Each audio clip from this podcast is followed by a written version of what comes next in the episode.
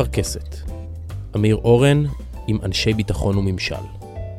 מבית All In, הבית של הפודקאסטים. אלוף במילואים תמיר היימן, שלום. שלום. נפגשים uh, קרוב מאוד ליום הכיפורים, ואתה לפני שנה uh, סיימת את תפקידך בדיוק יום לפני השישה באוקטובר. הייתה לזה סיבה? ראשי אמ"ן מעדיפים שביום הכיפורים כבר מישהו אחר יהיה אחראי? למען האמת, התאריך הלועזי אכן היה שישה באוקטובר, אבל זה היה אחרי חגי תשרי בשנה שעברה, ותתפלא, גם בשנה הזאת, לפני חגי תשרי, אני חושב שגם לראש אמ"ן הנוכחי לפני חגי תשרי, משהו בבטן מקרקרת ואיזושהי תחושה של ציפייה, ותמיד יש מתיחות כזאת אה, סביב חגי תשרי, אז גם לי הייתה ממש לקראת סיום תפקידי את המתיחות הזאת. אז בשלוש השנים וחצי אה, שלך, שהיו ארבע פעמים חגים כאלה, הייתה תחושה, מה, מיסטית? הרי אה, יום כיפור היה ועבר, גם פרל הרבור היה רק פעם אחת, מדוע התחושה הזו? אני חושב שזה ממש נצרב בתוך ה-DNA של אגף המודיעין, הטראומה של יום כיפור, ולחיוב יש לומר. יש עוד כמה שגיאות חמורות של המודיעין, אבל כזו חמורה לא הייתה. והטראומה הזאת הניעה תהליך אה, עמוק מאוד של שינוי בתוך אגף המודיעין, ברמה, מהרמה התרבותית ועד לעניינים מאוד מאוד מקצועיים של מבנה, ארגון, תהליכים אה, וכולי. וזה נדבק ונטמע גם בי כראש אמ"ן, למרות שאני לא הגעתי מתוך קהילת המודיעין, אבל זה די הוטמע. המחשבה שאנשים מצוינים, מבריקים, יכולים לשגות בדר... בכזו רמה היא די מזעזעת. היא, היא, היא מחייבת אותך כל הזמן לביקורת ולשאלה איפה אני טועה, איפה יכול להיות שאני כמוהם בחמישה בחודש או בארבעה בחודש, באותה תפיסה שגויה, באותה קריאה שגויה של הידיעות, באותה תחושת יוהרה של אני יודע, אני, כי אני, אני, אני, מכיר את המודיעין לעומק ולי זה לא יקרה, וזה נשאר אצלך. אז אולי אה, לפי המשפט, אה, ונער קטון ינהג בם, אולי עדיף שבחבורה הזו של מצוינים ישלוט דווקא בינוני, או מישהו אה, שהשגרה מדברת אליו יותר, או כך למשל אדם כמו הנשיא רייגן, שלא היה מומחה תוכן לשום נושא, והוא שאל שאלת תם לגבי מלחמת הכוכבים. כמובן שהוא ערער את כל התפיסה האסטרטגית של השמדה הדדית מובטחת ויציבות, אבל השאלה שלו הניעה תהליך שמבריקים, עילויים, לא היו מבריק, עושים. אז אולי השיטה היא באמת שתחתיך יהיו הגאונים, אבל אתה לא תהיה גאון כמותם?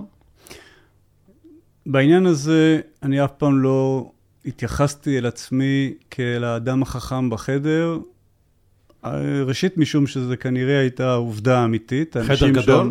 שם, אנשים שם מבריקים, והתחושה שאתה לפעמים עלול לייצר כלפי מטה, שאני יודע הכל, רק בואו ותשעשעו אותי במשך הזמן שאני מקשיב לכם, היא תקטין את הגמישות של האנשים ואת הרצון של האנשים לומר לך את הדברים בצורה הבהירה ביותר. שנית, לעולם לא התיימרתי לדעת הכל. וטענתי מתוך שכנוע אמיתי שיש לי עוד הרבה מה ללמוד, ואי אפשר ללמוד מבלי לשאול שאלות. ואסור להתבייש לשאול שאלות, משום שיש אה, סבירות שהשאלה תתפרש כי, כבורות. ותהיות אמיתיות, כפי שאתה ציינת על רגל, הן דבר כל כך חשוב, משום שאנשים שמצויים בתוך הפרטים, לעתים דווקא התמונה הרחבה זה מה שהם צריכים. הם לא צריכים שאתה תהיה סייבריסט טוב מהם. או איש מבצעים מיוחדים טוב מהם. הם רוצים לראות את התמונה הרחבה, הם רוצים לראות את התכלית, הם רוצים לראות מה הסיפור, ולפעמים השאלות האלה, דבר מאוד עוזר. הדבר האחרון, אני גדלתי בשריון. השריון זה חיל קשה, שהמציאות היא שאנשים לא בוחרים להתגייס לתוכו ולא בוחרים להישאר. ואתה נדרש כל הזמן לבקר את עצמך ולדרוש מעצמך ל- ל- לכנס אותם, ליצור להם צוות, ליצור בהם מוטיבציה, ליצור ביחד. וראוי שדבר כזה יהיה בבסיס לא, ישכ... לא ישכחו את זה המפקדים הבכירים, כי אתה יכול להיות מוקף באנשים שלכאורה עושה את דבריך, ותמיד ירצו אותך, ותמיד יצחקו מכל הבדיחות שלך, והם יכולים לתת לך תחושה שאתה הגאון האמיתי האחרון. תמיד תהיה ביקורתי, תשאל את השאלות, תנסה לבדוק מה קורה למטה, כי דברים לפעמים נראים אחרת כשנוגעים בזה. אבל במודיעין אלה מפקדים או מנהלים? הם מפקדים שמנהלים מערכת, ולא זו הבעיה המרכזית בזהות המקצועית שלהם. האם הם אנשי מקצוע או מפקדים? וזו הבעיה, משום שיש אדם שמנהל שלושה אנשים, שהם כל אחד מומחה תוכן בתחומו. הוא יכול לבוא בבוקר ולסיים לעבוד בערב מבלי שהוא פגש את האנשים, אלא רק ראה מקלדת ומסך. והוא עלול לשכוח שהוא מפקדם. הם לא ישכחו זאת, הוא עלול לשכוח. ואתה צריך לאורך כל הזמן לה, להעמיד את ערך הפיקוד, ערך המעורבות, ערך הדאגה, האכפתיות. האדם הוא שם. תראה לו שהוא חשוב עבורך. זה, זה, זה הכל, זה כל כך נורא פשוט, כי מה אנשים רוצים? שיהיה אכפת, ש, שמישהו ידע שהם מה הם עושים ויהיה אכפת לו מהם. זה גם חלק מהגיוס של סוכנים בצד השני, שלפעמים ממורמרים כי הממונה הישיר עליהם, אפילו בארגון הטרור, אה, מתנער מהם או היה גס רוח כלפיהם. כן, אבל שם זה מאוד תועלתני, והפיתוח האישי של הצד השני לא מעניין אותך. מעניין אותך רק התועלת שאתה משיג בו.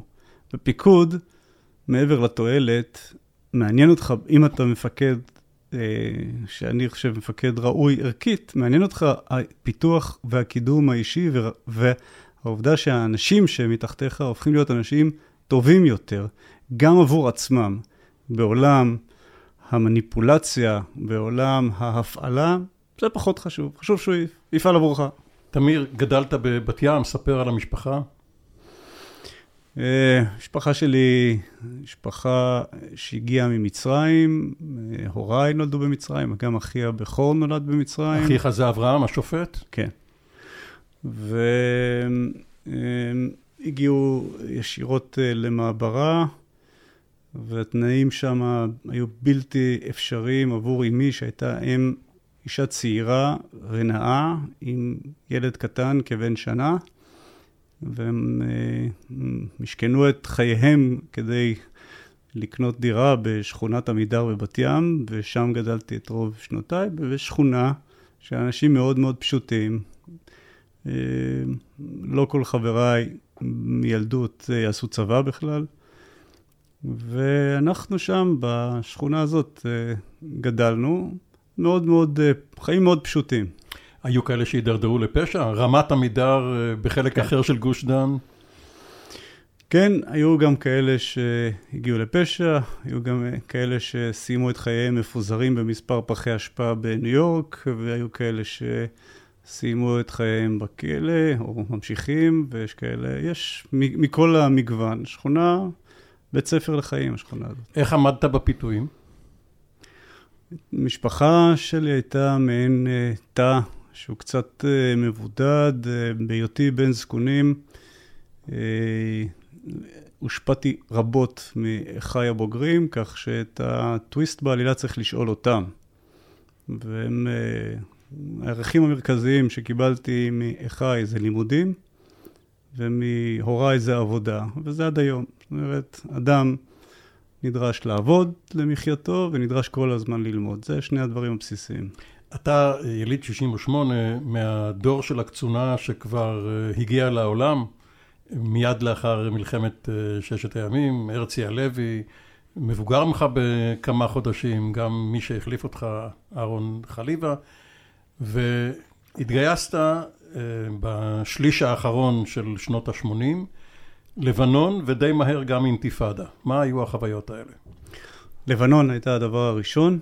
אני התגייסתי עוד לפני האינתיפאדה הראשונה, היה לי כמעט שנה לפני האינתיפאדה הראשונה, ולבנון שאני מכיר מתקופת uh, חיילותי, ויש לומר שבשל מחלה של אמי, אמי חלתה בסרטן, אז אני העדפתי לא לצאת לפיקוד, כך שהיה לי תקופה ארוכה שהייתי חייל פשוט, לוחם בשריון. באיזה טען, תפקיד? טען קשר בטנק. וזו הייתה תקופת השיא של השריון בלבנון. היום מותר לדבר על זה, אז היה סוד כמוס. ב...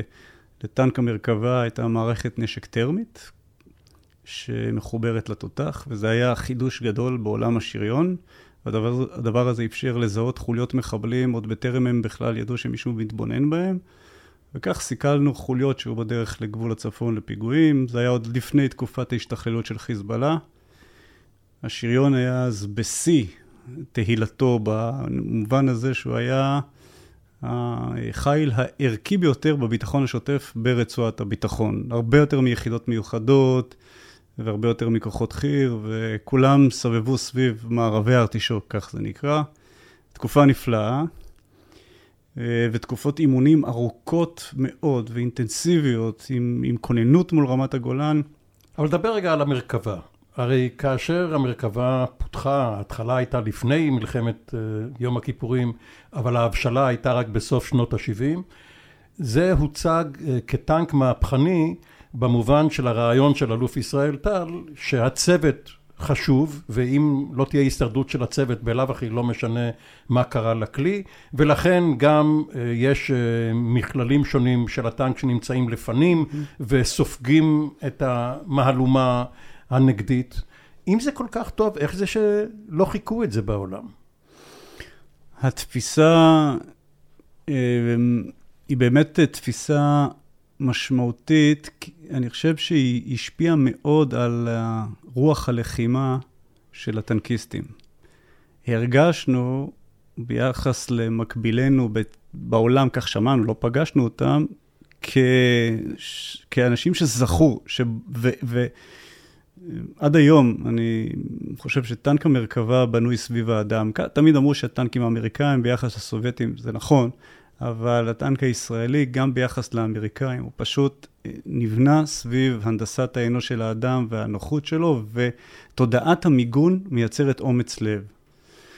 שגם אם בשעתו לא ידענו את כל האמת, האמנו שאנחנו מוגנים לחלוטין, ולכן התעוזה הייתה פשוט אה, פנטסטית והמוטיבציה הייתה נפלאה. זה נשאר עד היום. העלות והמשמעויות ההנדסיות הכבדות הן באמת, אפשר לעשות דבר כזה רק כשאין לך מורשת של בניית טנקים. כאשר אתה מתחיל לבנות טנק מאפס, ואין לך מורשת של הענקיים וה... שהיו סבי סביך. הסנטוריון שהוליד את הצ'יפטיין כן. וככה הלאה. אז אתה יכול להחליט שלא המהנדסים יקבעו, אלא אני, זה ישראל טל, הפילוסוף, הוא יקבע איך זה נראה. ואם יש לך, אם אתה גם פילוסוף וגם גיבור מלחמה וגם עם כריזמה וגם שיניים, יש לומר, האיש היה מאוד דעתן, אתה יכול כנגד כל דעת המהנדסים ללכת כנגדם ולהגיד כך אני רוצה.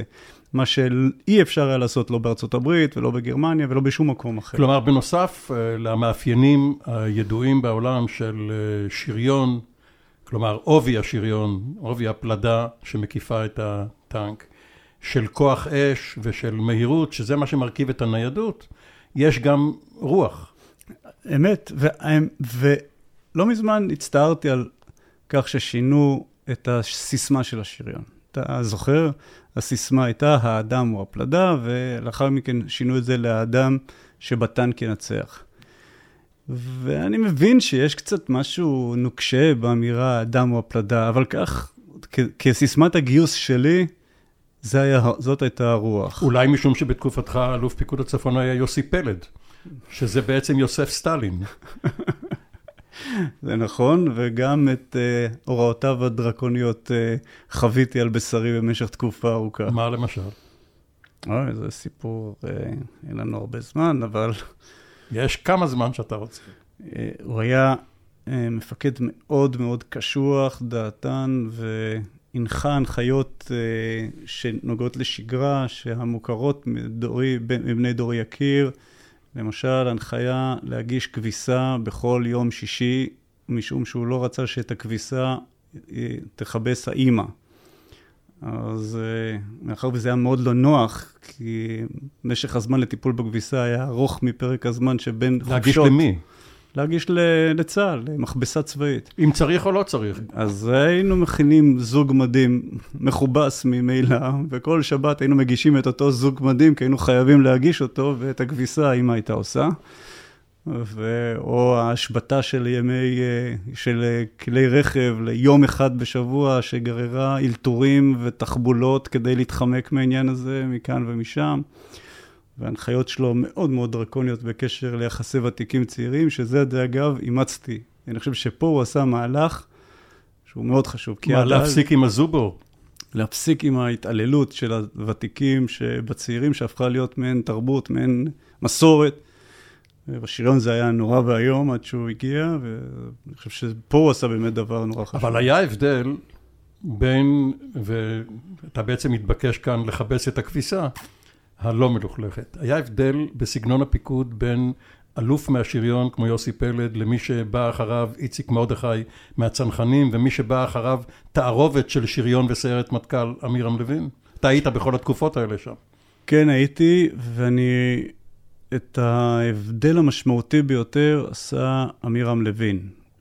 מהפרספקטיבה המאוד צנועה שלי של מפקד מאוד זוטר בשלבים האלו, והיא נבעה מהשינוי שהוא עשה במושג אה, קו העצירה ברמת הגולן, ומתפיסת ההגנה שמאפשרת תמרון גם בהגנה, והחל... כלומר הכלת אויב, ולא קו המגע הוא קו העצירה, כלומר... זה נורא משונה, כי למעלה מעשור אחרי מלחמת יום הכיפורים, שחלק מהמחיר ששולם בה היה בגלל הדבקות העיקשת במה שאתה אומר שקו המגע הוא קו העצירה, אז רק אז הגיע אמירם לוין ושינה את זה ואמר מותר לוותר על שטח כדי לתמרן טוב יותר. כן, כי הלקח שהיה בין צפון רמת הגולן לדרום רמת הגולן במלחמת יום הכיפורים, שלצפון רמת הגולן הגיעה חטיבה 7. והלקח השגוי שהסיקו, זה שלו חטיבה 7 הייתה מגיעה מוקדם יותר אל קו המגע, מה שקרה בדרום רמת הגולן, של הפריצה כמעט עד הכנרת, לא היה קורה. אבל מה שקרה זה שחטיבה 188 נשחקה בדרום הרמה. כן, ואז הטענה הייתה שהייתה פרוסה רחב מדי, אוקיי, אין בעיה, נשים יותר מחטיבה סדירה אחת, אז העלו את חטיבה 7, שהייתה אז, עד אז חטיבה דרומית לרמת הגולן, והתרגולים היו לרוץ מהר ככל הניתן לרמפות ולהגן על קו המגע.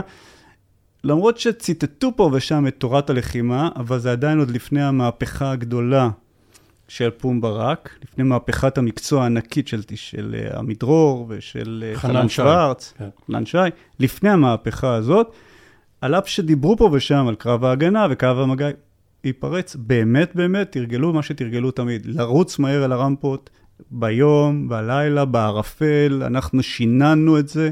כי מה, כי קדימה יסתער? כי ככל שתגיע מהר יותר, אתה טוב יותר, אנחנו תכנים יותר טובים, אנחנו יודעים לראות את טווחים יותר רחוקים מאשר הסורים יודעים לראות, ולכן ההנחה הייתה, המובלעת שלו נאמרת, שכך זה יקרה.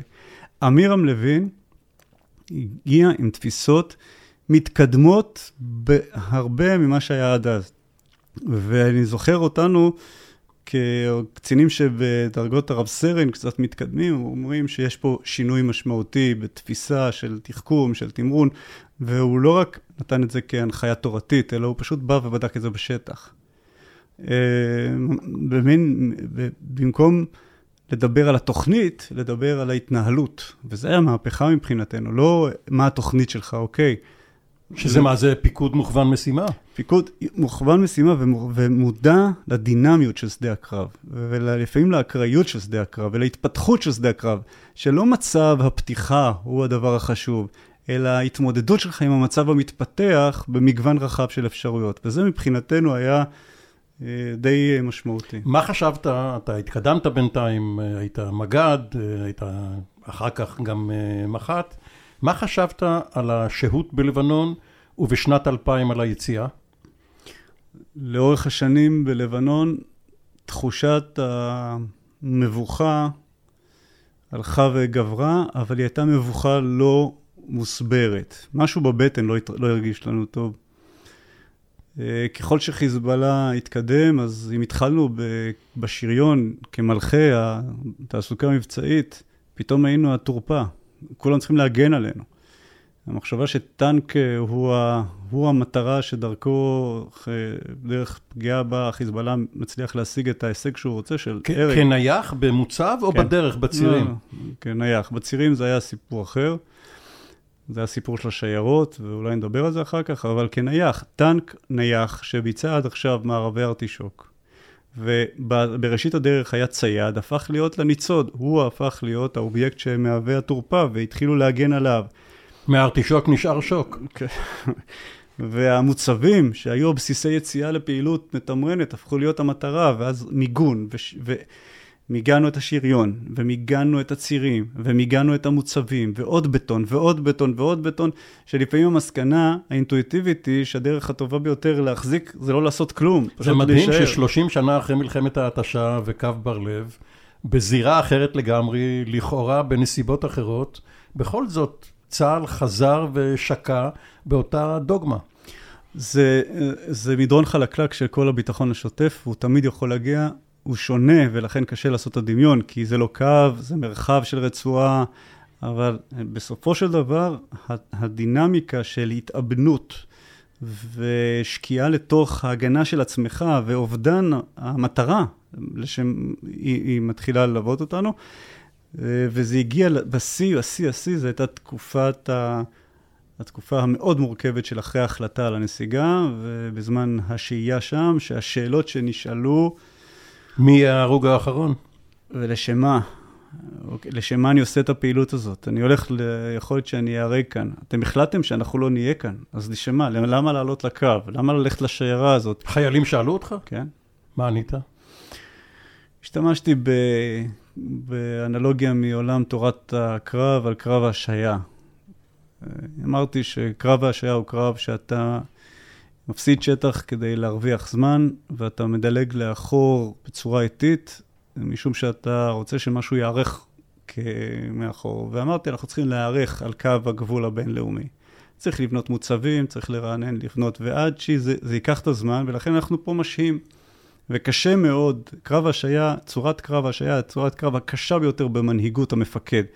כי להבדיל מההסתערות לפנים שמייצרת את האנדרנלין, פה אתה מוותר על שטח.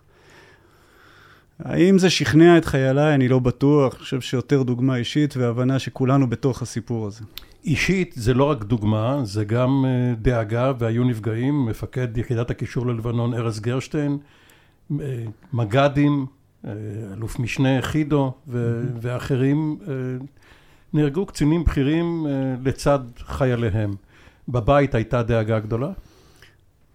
תראה, שבועיים לפני שארז עלה על המטען, אני עליתי על מטען זהה למטען של ארז. פברואר 99. כן, ההבדל היחידי בינינו היה שהמטען, במקרה שלי, המטען היה... היה נתק בפתיל הרועם בין המטען הראשי לבין המטען המשני. היית מג"ד? הייתי המג"ד, הייתי אחראי על שיירות והעלינו שיירה לבופור. זו הסיבה היחידה שאני כאן, הנתק של פחות מסנטימטר בפתיל הרועם, שזה דבר שלא קורה לחיזבאללה. אה, שם התחילה הדאגה.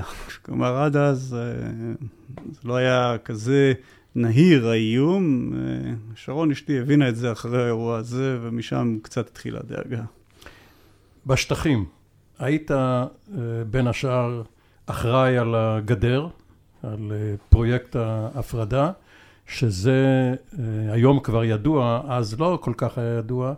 המזכיר הצבאי של אה, ראש הממשלה שרון, תת-אלוף גדי איזנקוט, היה מהדוחפים העיקריים לנושא הזה. ואתה מטעם פיקוד המרכז עשית את זה? מה בדיוק היה תפקידך? הייתי אז מח"ט שריון בפיקוד הצפון, מילואים, ו... מפקד הפיקוד המרכז, קפלינסקי, ביקש שיהיה פרויקטור שמתבונן על בניית התשתית המבצעית בראייה, בניית התשתית ההנדסית בראייה מבצעית. כלומר, לא מספיקה גדר, גם יהיו כוחות שיצטרכו בדיוק. לבוא לגדר. לא, היה, פרויקט, היה פרויקטורים הנדסיים שפשוט בנו ושרטטו ועבדו במחלקת הבג"צים ועבדו מול האזרחים ועבדו מול הדחפורים, זה היה פרויקט ענק, אדיר ומדהים. המשימה שלי הייתה לראות איך מגינים על הדבר הזה. משני הצדדים? כן, משני הצדדים. זה, התפיסה הייתה באמת של הגנה משני הצדדים, כי עד אז הגנה בביטחון שוטף הייתה רק מצד אחד של הגדר. אז גרת קרוב לגדר? כן. כן, כן, כן.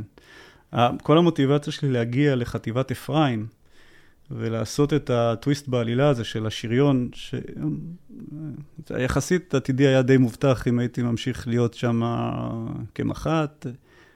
זה היה בגלל שגרתי שם, שירו על הבית שלי, הרגשתי שמשהו, שאני חייב לתרום פה משהו אישי. אז כן, גם גרתי בבת חפר אז, ולכן זה היה מאוד מאוד אה, אישי, העיסוק הזה בהגנה. ופה התחילה, התחיל המתח הגדול של בין הניסיון למקסם את האפשרות אה, של להעביר את הגדר במקום רחוק יותר, אה, מהקו אה, של 67 לבין הצורה המתפתלת שלו, שככל שהיא ישר יותר, אתה יודע, יותר קל להגן, וההתפתלויות האלה היו מאוד מאוד קשות.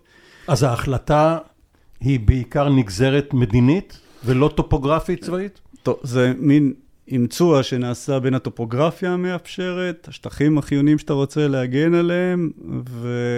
ו... ופה היה המתח. אה, אחר כך בוצעו גם כמה תיקונים לאור ההערות שהערנו שם, והתיקונים, תיקונים שפשוט פירקו גדר והרכיבו גם בבאקה, גם באלפי מנשה וגם בעוד עוד שני... ובדרום הר חברון לא היית אחראי? לא. בפרצה של לא, תרקומיה? לא, לא. אני סיימתי להיות הפרויקטור ב... כשעשו את הגדר שהגיעה עד אלקנה. אה, זה היה מה שנקרא שלב א', ואחר כך הפכתי להיות מפקד חטיבת אפרים, ובאמת הגנתי על הגדר שבניתי שם. החשיבות הגדולה, אפילו נכון לומר ההיסטורית, של הגדר, זה שהיא מסמנת לעולם, כולל למרחב הערבי, שזה גבול ההתפשטות של האימפריה הישראלית. כלומר, יש כמובן כאלה שיחשבו שזה יותר מדי, זה מזרחה מדי, אבל בעצם האיתות כאן הוא... שלא נלך יותר מזרחה. זה עמד שם ברקע, אבל התנגדנו לזה בצורה נחרצת לנרטיב הזה. מי זה התנגדנו? אנחנו, אנשי הצבא, משום שאז אנחנו עוסקים בו בעניין הרבה מעבר להגנה על הגדר, אלא אנחנו מעציבים את גבולותיה העתידיים של מדינת ישראל. אה, והיה, ואנשים שהתנגדו לגדר טענו שמה ששרון, מה שראש הממשלה עושה, הוא בעצם מסמן את קו ההפרדה העתידי. אה, ולכן כל מטר היה דיון אה, לאומי מהותי, והגישה האחרת אמרה, לא, זה גדר ההפרדה הביטחונית, גדר הביטחונית. אנחנו לא עוסקים פה בעניינים של המתאר העתידי של המדינה שתהיה, אלא אנחנו עוסקים פה רק בהגנה. וככה הצלחנו להקל במעט על המכשולים האדירים שהיו בפנינו. הקבוצה הראשונה שתיארת אלה המתנחלים, איזה יחסים היו לך איתם? טובים מאוד, טובים מאוד, משום ש... אנחנו מדברים על האינתיפאדה השנייה.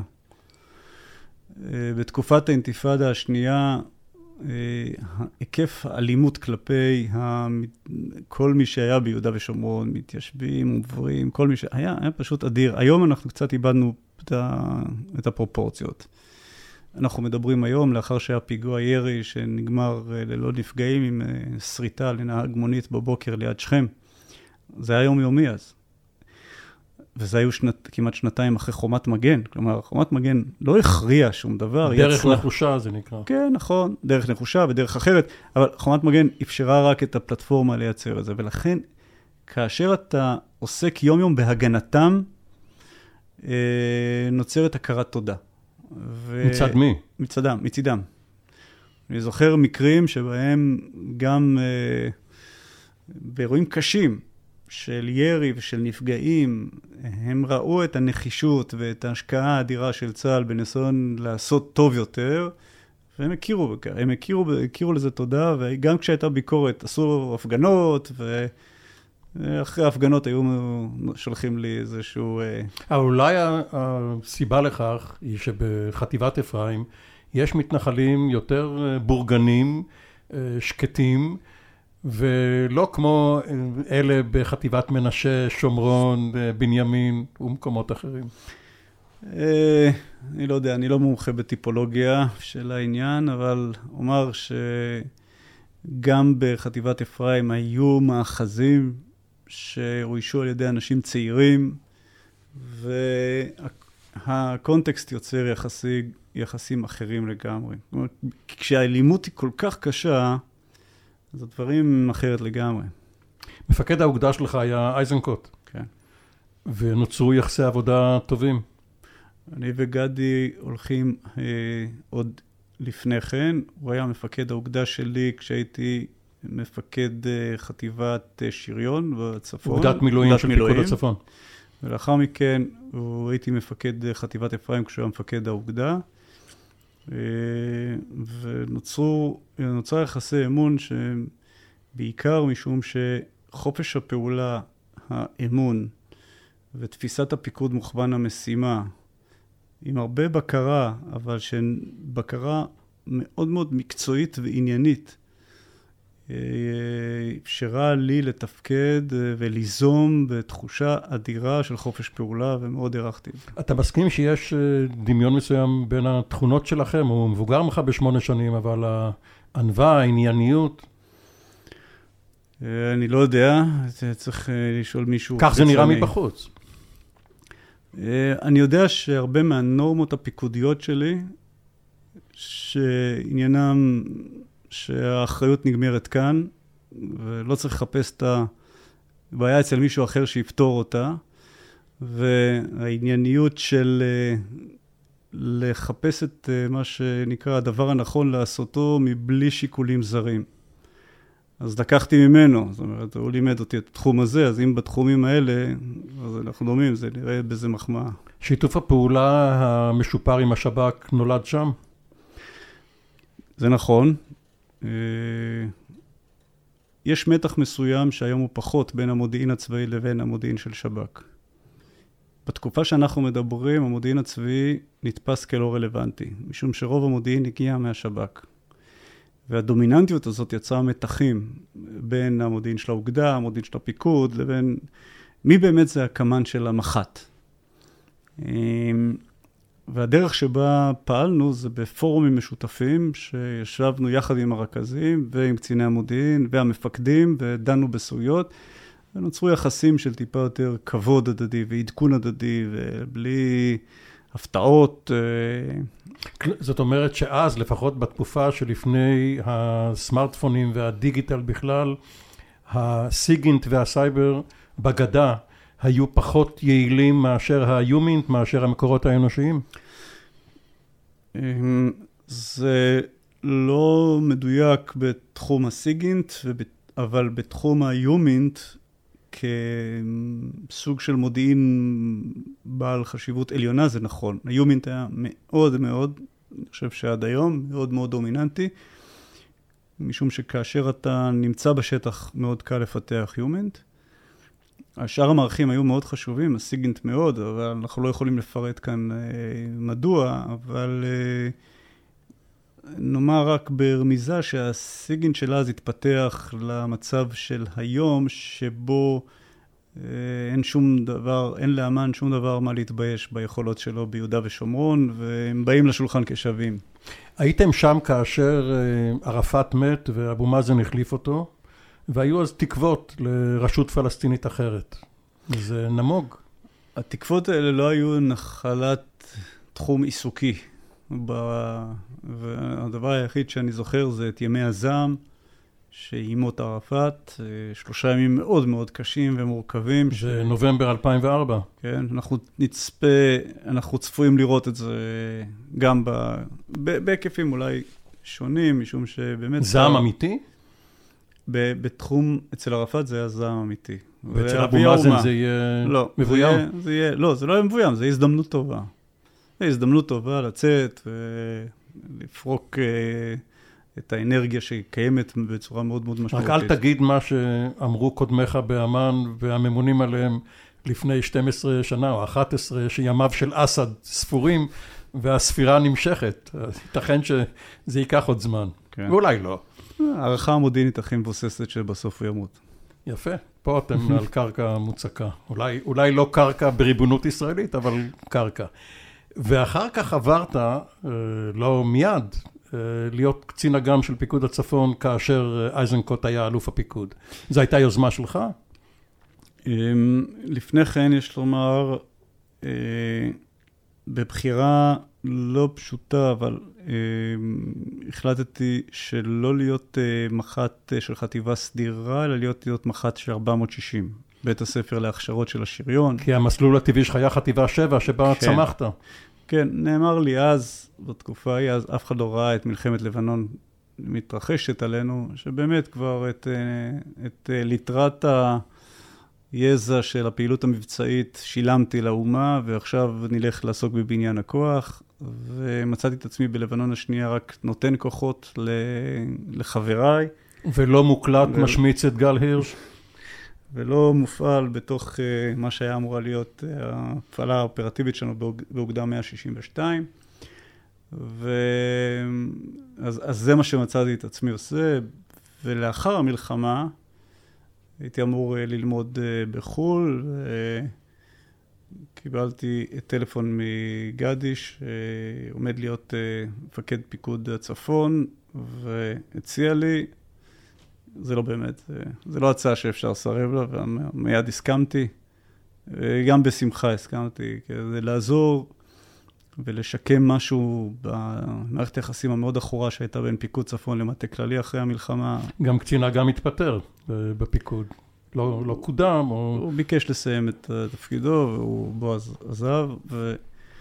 וזה היו שנים נפלאות, אני חושב, גם של תכנון מחדש של התוכניות המבצעיות, של בניית היכולת של מפקדת פיקוד הצפון, של בניית האמון עם, אה, עם המטה הכללי. ו... מה היה, מה קרה? כמובן, היה הסיפור של אודי אדם, אלוף הפיקוד בזמן הלחימה בלבנון, שקפלינסקי, סגן הרמטכ"ל, אה, הורכב מעליו, היחסים בין הפיקוד לבין מפקדי האוגדות, לא רק המטה הכללי. מה היה צריך לשקם שם באמון? אמ, כמעט הכל. התחושה הייתה תחושה של אה, תסכול ואכזבה מההישג שלנו, שהיה אמור להיות טוב יותר. ובתחושה שבתוך פיקוד הצפון הם הוגבלו מדי על ידי מטה כללי, ולא ניתנו להם הכלים בזמן, ושפה משותפת לא הייתה מספיק טובה, ותחושת מטה כללי... אבל הנה הגיע אלוף הפיקוד מתפקיד ראש אגף המבצעים, המטה הכללי בא אליכם. נכון, זה היה חלק מה, מהשיקום שהיה, אבל בגדול, הבעיה המרכזית הייתה, וזה הלקח המרכזי שאני לקחתי ממלחמת uh, לבנון השנייה, זה שלא התנהלו ויכוחים קשים אודות תפיסות מבצעיות לפני הלחימה. וכל הוויכוחים שבימי שגרה אתה יכול להחליק אותם, מה שנקרא, החבר'ה אומרים, כן, לא נורא, לא צריך לריב, לא נעים עכשיו לריב. הם לא, אי אפשר להחליק את זה כאשר יש ירי ואנשים מתים. שם תפיסות מבצעיות ורמת שכנוע עמוק, שזה חושב כך וזה חושב אחרת, זה מגיע לכדי פיצוץ. אז הנה, אתה קצין אג"ם של הפיקוד, אתה יושב מול אנשי חטיבת המבצעים במטה הכללי, ואתם ומקביליכם בחיל האוויר, בלוגיסטיקה, במקומות אחרים, ואתם מתכננים את התכנון האופרטיבי למלחמה הבאה, שעד עכשיו לא באה, שכבר 16 שנה לא מתממשת. ואז אתם עושים את זה מה, בצורה חברית אבל נוקבת? ראש חטיבת המבצעים היה סמי תורג'מן, שהוא היה גם מפקדי, היה קצין שריון ראשי לפני כן, שהייתי מח"ט, וגם uh, אנחנו הולכים הרבה זמן uh, נאחור ביחד. ופשוט ישבנו כמו שאנחנו יושבים אחד ליד השני, ואמרנו לעצמנו, זה הלקח שלנו. עכשיו אנחנו הולכים למסע, בואו נבטיח שנתווכח. בואו נבטיח שכשאנחנו רואים שהמפקדים, האלופים, רמטכ"ל, הם סוגרים את הדיון ב... בשביעות רצון, למרות שאף אחד לא מסכים, בוא נשים אנחנו ונהיה הילדים הרעים בחדר. ויגיד, לא, לא לטייח. אתם לא מסכימים. אתה אומר X ואתה אומר Y. ובוא נריב, כי זה ממש, זה התהליך. העיצוב מחדש של התוכניות האופרטיביות היה תהליך של חיכוך. אבל המטה הכללי רוצה לשמור על עצמו גמישות, בעתודות למשל, אולי תתפתח עוד זירה. ואתה באופן טבעי רוצה הכל אצלך תחת היד, וגם שהקו הצהוב מעבר אה, לגבול יהיה בשליטתך, כולל הפעלת חיל האוויר. איך פותרים את המתח הזה? כל הבעיות האלה זה בעיות תפעוליות של הרמה המערכתית, זה בעיות קלות לפתרון כאשר מוצאים פרוצדורה אחרת. פשוט מוצאים תהליך, קו אחר, תפיסה אחרת. זאת, זאת לא הבעיה. הבעיה המרכזית היא לא על השיטה, אלא על המהות. על מה עושים שם בכלל, על על התכלית. תצ... גם על התכלית וגם על התצורה של המערכה. כאשר לשני ראשים, ראש אחד רואה משהו ענק, ראש אחר רואה משהו קטן, והם לא מבררים מדוע, מדוע אתה רואה כך ואתה רואה אחרת, ששניכם רוצים אותו דבר. פעם ששניהם מסכימים, אוקיי, זה כך גדול, או לא משנה איך, עכשיו איך פשוט לממש את זה, זה הרבה כלומר, יותר קל. כלומר, אם לתרגם את זה למונחים של מרכזי כובד בלבנון, אחד יכול לומר, אני רוצה להשמיד את שרשרת הפיקוד שבראשה נסראללה, ולכן אני צריך להגיע גם לצפון, לביירות, ואחר אומר, אני מסתפק במה שיקרה בדרום לבנון באתרי שיגור הטילים והרקטות. אני לא רוצה להיכנס כאן לתצורה אופרטיבית כזו או אחרת, שמא יפרשו את מה שאני אומר כ... אנחנו מדברים על 2006 עד 2008. אז אני אדבר רגע על 2006. אם אחד חושב שההכרעה היא השמדת רצועה של חמישה עד שישה קילומטר לרוחב כל הגדר, ואחר חושב שישנו מרכז כובד בדרום לבנון, קרקעי, כמפתח ביטחוני של כל האזור, וזאת הדרך להגיע ולהשתלט עליו, והאחר חושב אחרת, ולא מבררים את הפער בין השניהם, זה לא, זה לא יקרה. היית יותר מאוחר, אם קופצים לרגע, מפקד הגיס הצפוני. צריך עדיין מפקדות גיס? מה, תילחם מפקדה אחת בסוריה ואחת בלבנון, זה מציאותי, זה לא בזבזני? זה חיוני. דרג שבין הפיקוד המרחבי לבין האוגדות. זה חיוני. תראה, אנחנו לקראת יום כיפור. היום הקשה ביותר בהיסטוריה הצבאית הוא ה-8 באוקטובר 73. ביום הזה התייצבו המפקדים הטובים ביותר שיש למדינת ישראל, אגדות, ברן, שרון, מגן, אגדות. אלברט. כן. אה, אה, והיה להם את כל הסד"כ הנדרש כדי להכריע את כל הצבא המצרי שחדר מבעד אה, בפריצות. והמפקדים הכי טובים שלנו לא הצליחו לעשות את זה, ועשו את הקרב הבעייתי ביותר עם מאות הרוגים. מאות הרוגים. למה? כי מפקד הפיקוד לא הצליח להתפנות ולעסוק במה שהוא נדרש לעשות. להסביר למטה הכללי מה אני רוצה לעשות, ולאפשר לפיקוד שמתחתיו לארגן את המערכה של הכמה אוגדות האלה. והאוגדות, כל אוגדה הבינה משהו אחר, ולא היה למפקד הפיקוד קשב להסביר להם, לברר ולהסביר את זה. הכורח במפקדה שיודעת לעשות סינכרון ותיאום בין מספר מאמצים אוגדתיים עלה שם בצורה נחרצת, והוא העניין שהוא הסיבה שהקמת הגיס. ועל אף שגם בקרבות העתידיים אני לא רואה תמרונים כל כך כל כך עמוקים. האוריינטציה התפקודית-ניהולית של מפקד אחד שמסתכל מעלה ונותן רק את ההנחיות הכלליות ללחימה הטקטית. זה אלוף הפיקוד. זה אלוף הפיקוד. ומפקד עוצבתי שמסתכל רק מטה, ומסנכרן מערכים ענקיים שצריך להביא אותם לכדי מיצוי בנקודה אחת בשטח, שזה נורא קשה. כי הקרב היבשתי הוא נוטה להתבדר. הקרב היבשתי, להבדיל מהקרב האווירי. קרב אווירי, בפעם שיש פ"מ, פקודת מבצע, רוב, רוב התכנון, הרוב מאחוריך. הקרב היבשתי... הטייסים רק מבצעים. הטייסים, הטייסים זה הטובים ביותר שיש לנו, יש להם את היכולות הכי גבוהות, יש להם את המכשור הכי טוב, והם כנראה יבצעו את זה אחד לאחד. ביבשה, כל סלע, כל שיח, כל חוליית נ"ט משנה, משנה ומשבשת את העניין, ולכן האנרגיה הנדרשת בלקחת פקודה ולוודא את מימושה, זה דורש מפקד ש... עם כל הסמכות של אלוף. אבל אתה אה, לא קצת אה, לוקח מקרה אישי, שבו היו ארבעה אלופים, כי מפקדי האוגדות אז היו במינוי משנה, האוגדה הסדירה היחידה הייתה בפיקוד אלוף, ועוד שני אלופים שפיקדו אחד על אוגדת מילואים, שרון ואחד אה, ברן על הגיס, אוגדת הגיס שבראשו הוא עמד, ואתה הופך את זה לאידיאולוגיה, כי גורודיש היה זוטר משניהם, אתה בעצם אומר, יהיה אלוף פיקוד, יהיה תחתיו עוד אלוף, מפקד גיס, ויהיו מפקדי אוגדות שהם בדרגת תת-אלוף, אולי זה כן יעבוד. זה לא קשור לדרגה. זה לא קשור לדרגה וזה לא קשור למקרה הספציפי הזה, זה קשור למאמץ הזה שנקרא האומנות האופרטיבית, הסינכרון המורכב שבין גופים גדולים, שכל אחד מהם משתנה כתוצאה מהחיכוך הטקטי. וזה דורש קשב אדיר, אחר, שאף, זה צריך להיות קשב של באמת מלא, ואני אתן דוגמה ממלחמת uh, שלום הגליל. במלחמת לבנון הראשונה, המאמץ בציר המערבי היה יכול להיות הרבה יותר טוב אם היה שם גיס. אה, כלומר, ההליכה לכיוון ציד... צור, צידון, ביירות. נכון. הסינכרון עם המאמץ המונחת של מה שהיה אז 98. 96. 96. היום 98. כן, סליחה, מה שהיה אז 96. המאמץ בהגעה אה, באזור כפר סיל עם הקיטור של ביירות ועם המעקב של הערים ועם הסינכרון של אחרי, אה, הקרב הראשון של אחרי אה, הבופור, כן או לא. כל העניין הזה, ברגע שיש מפקדי אוגדות, ועם המורכבות של מלחמת שלום הגליל, כן ידעו, לא ידעו, עד איזה קו, מי, מי, מי סיפר למי את האמת ומי גנב סוסים. אבל תמיר, אתה אה, לא היית שם. כשיושב שר ביטחון שהוא אריק שרון, אה, על הרמטכ"ל שהוא רפול, והוא יושב על אלוף הפיקוד שהוא אמיר דרורי, ויש לו אמנם מפקד גיס בגזרה המזרחית, יאנוש, כל אלה, זו שפעת גנרלים. עוד אחד היה משנה, אולי רק היה מבלבל. אני...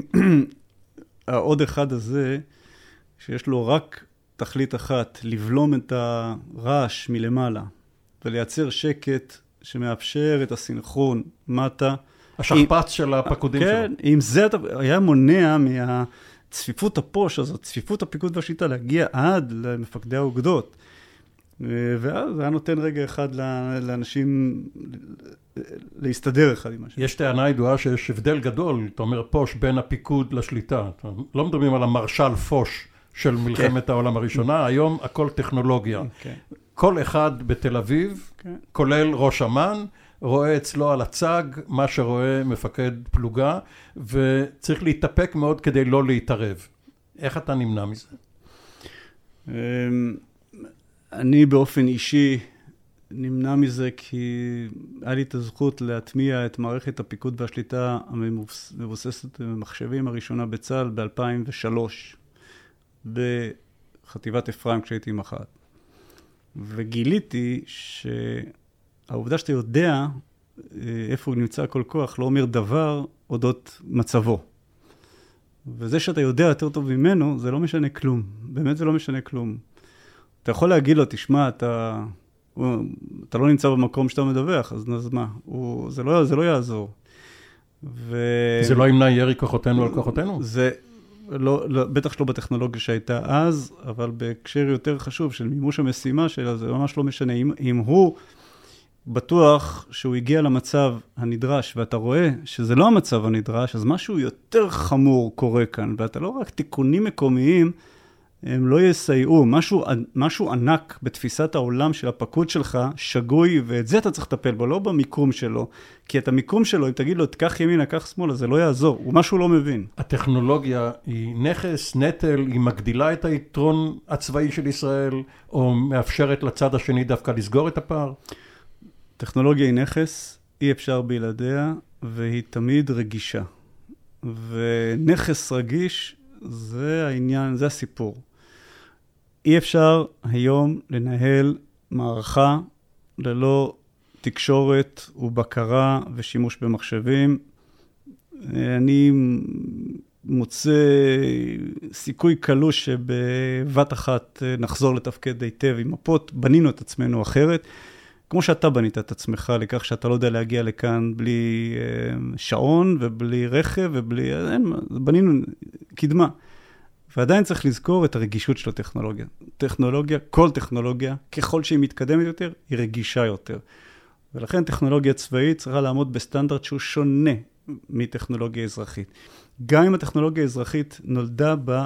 סליחה, גם אם הטכנולוגיה הצבאית נולדה באזרחות, ועשתה הגירה לתוך הצבא, ויש היום כאלה, אתה צריך לזכור את היתירות הנדרשת ואת האופני פעולה הנמוכים יותר, כלומר היכולת שלה לגלגל את עצמה לאחור, זה עניין שהוא מורכב, וזה תמיד צריך להיות נקודת אזהרה, נורת אזהרה למי שבונה כוח. איך אתה שומר על המיומנות הבסיסית, אפילו הארכאית, למשל אה, ניווט בעידן ה-Waze, או ה-GPS בכלל? זה מאוד מורכב. אם אתה שואל להיבטים הקוגניטיביים, אני לא יכול לענות. נכתבו על זה מחקרים.